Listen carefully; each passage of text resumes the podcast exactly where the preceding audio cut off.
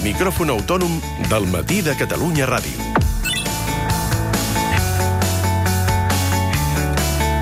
Dos quarts i dos minuts. Connectem ara amb el micròfon autònom de la Marta Carreras, que avui ens porta una història d'aquelles que fan posar-se les mans al cap. Perquè si us demano quants idiomes parleu, i si us va costar gaire d'aprendre'ls, jo crec que més o menys, si fa no fa, tots contestarem eh, una cosa similar. Però ara al·lucinareu amb el testimoni que ens porta la Marta. Bon dia, Marta. Qui t'acompanya? Va, explica'ns. Bon dia. Mira, sóc amb el Sergio, que té 18 anys i que tenia moltíssimes ganes de parlar amb ell perquè normalment és fora, perquè estudia a la Universitat de Gant, però aquests dies és per aquí. Sergio, què tal? Bon dia. Bon dia. Entrevistem el Sergio perquè parla moltes llengües. Quantes? Doncs que pugui tenir així una conversa fluida, jo crec que unes 10. 10 llengües, 18 anys. Quines són? Doncs el castellà i el català són les meves llengües nadiues, les que sento com a maternes, i després també tindríem l'anglès, el neerlandès, el francès, l'italià, el portuguès, el gallec, eh, i l'euskera. Bé, i l'occità. Vaja, ostres, euskera i occità, això són ja paraules majors. Per exemple, perquè ens fem una idea, una llengua tan específica com l'euskera o com l'occità que les has anat a buscar, quan, quan has trigat a aprendre-la? Doncs l'euskera vaig trigar poc menys d'un any, però la veritat és que m'agradaria encara dedicar-li més temps i si ho vaig fer amb uns llibres de la biblioteca, que es diuen Bacarca, i sí, són com una sèrie de cinc llibres o així, de 250 pàgines cadascun, amb el seu vocabulari, les seves lectures, i crec que és del millor que he trobat. I l'occità, per exemple? També amb uns llibres de la biblioteca, d'una editorial que es diu Assimil, que és francesa, i tenen també d'altres llengües així minoritàries, com el cors, el bretó, i això sí, s'ha d'aprendre des del francès. Has de ser primer una mica francès per aprendre occità, en aquest cas l'angalucià. Tens 18 anys. Com has, d'on has tret el temps? Com, com, quan has començat? Des de quan saps parlar aquestes llengües? Doncs vaig començar a cinquè de primària a, eh, a interessar-me per les llengües, tot i que era molt petit, no tenia el mètode, i em vaig començar a interessar per l'alemany i el rus. I, de fet, vaig aprendre uh, l'alfabet ciríl·lic, el del rus, um, sí, a cinquè de primària. A un vídeo de YouTube vaig començar a copiar les lletres i els seus equivalents de com sonaven, i em vaig posar a transcriure d'un llibre que tenia i fins que me'l vaig aprendre. Vale, perquè has dit que saps 10 llengües en les quals pots mantenir una conversa tranquil·lament, però en saps d'altres. Quines? Bé, de rus sabria dir algunes cosetes poques. Romanès també he estudiat una mica. Macedoni, que jo crec que és una de les que més sorprèn. I bé, també esperanto, danès... Sí. I ara aquí va la sorpresa per tots vosaltres, eh? Sergio, ara et preguntaré què estudies i jo m'espero que em diguis filologia alguna cosa. I què em diràs?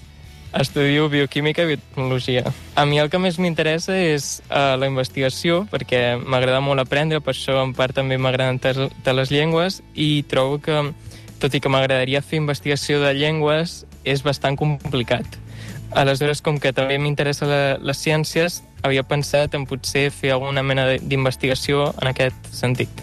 El Sergio m'explicava eh, que és un dels tants catalans que la seva família va venir a viure a Catalunya i que ell ja va néixer aquí i que era castellano parlant i que el català el vas aprendre a l'escola. I jo et pregunto, algú que sap tantes llengües, que per tant coneix tantes realitats, perquè conèixer una llengua al final és conèixer una realitat, com veus la situació del català i què s'hauria de fer perquè no, es, no anés en, tant en desús?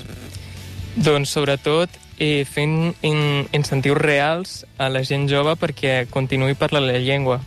Clar, si jo trobo que hi ha contingut audiovisual que m'agrada, que el puc triar en català per sobre del castellà, com per exemple crec que va ser un èxit Merlí, perquè va fer que fins i tot gent de fora de Catalunya eh, la volgués veure. Doncs jo crec que tot això és ideal perquè es mantingui la llengua entre la gent jove. Més enllà del plaer i de la utilitat que té i del valor fins i tot que tindrà, ara tens 18 anys només, però començarà just la teva carrera laboral, el valor que té saber tants idiomes, això t'ha obert la ment? Què permet una llengua? Com et permet mirar el món? Doncs tu veus una persona estrangera i dius quantes coses podria aprendre d'aquesta persona. Perquè, clar, del no res, tu veus allà uh, una persona la qual no sap res, però si ja saps alguna cosa de la seva cultura, és que és dir un parell de paraules a una persona polonesa en polonès i veus com se li obren els ulls i diu però tu com saps això? I a partir d'allà, doncs, pots fer una amistat de, de no res. És molt enriquidor, la veritat. I com més petita sigui la llengua, més veus aquesta llum a, als ulls de la gent. Vull dir, tu imagina si jo anés a Bèlgica i em trobés una persona belga parlant en català, com em sentiria? Ah, perquè tu aquesta carrera científica que estàs fent, l'estàs fent en flamenc. Sí, totes les assignatures de pare són, són en flamenc. Jo vaig decidir que volia estudiar allà en, entre l'estiu de eh, primer i segon de batxillerat i des de llavors em vaig posar molt, molt fort a estudiar neerlandès i vaig estar un any durant segon de batxillerat eh, fins que em vaig treure el B2, que era el que em demanaven per poder estudiar allà. I ara el Sergio em deia també que estudiant tantes llengües ha vist que hi ha moltes paraules eh, del català, per exemple, que coincideixen amb, amb algunes llengües que t'han sorprès. Quines són? Explica'ns-ho. Doncs hi ha algunes anecdòtiques, com el macedoni, per dir cuina, diuen cuina. O, per exemple, a l'indonesi, per dir benzina, diuen benzin, que ve al seu torn del neerlandès, que també diuen benzina. És una coincidència bastant divertida. No és que et vulgui fer ara aquí actuar, eh? però és que tinc moltes ganes de sentir-te parlant amb altres llengües, perquè més hem vist amb la Carla Verdés i jo vídeos que has penjat a Twitter i realment és una delícia com les parles. No sé, per exemple, podries dir alguna cosa tipus al matí de Catalunya Ràdio amb Laura Rossell, així de, pas, de passada ja ens fas la falqueta. Doncs mira, us diré en euskera perquè a més l'euskera eh, té una paraula per ràdio, que és irratia, doncs seria Catalunya irratiaren goiza. Laura Rosselekin, perquè se li afegeix la, la declinació al final. Vale, i si ho diem, per exemple, en flamenc? De ochtend van Catalunya Ràdio met uh, Laura Rossell. Mm, portuguès, va, que m'encanta. Seria Amanhã de Catalunya Ràdio com Laura Rossell. Occità? Depèn, vols que t'ho digui en aranès o en languedocià? Bo, doncs, el que tu vulguis.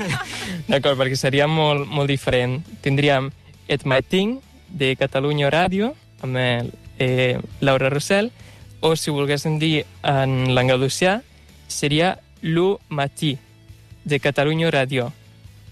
I acabarem amb italià, que tot i que la tenim més coneguda, em consta que a la Rossell li agrada. Seria Il Mattino de Catalunya Ràdio con uh, Laura Rossell. Perquè i japonès i tot això encara no ho has tocat?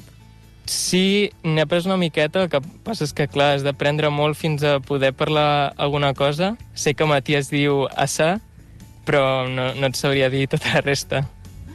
Escolta'm, Sergio, de veritat, un plaer. I què diries a la gent que, i m'incloc, per exemple, a lo millor té ganes d'estudiar algunes llengües, però li fa por, li fa... Fins i tot et diria que ho veu com una muntanya.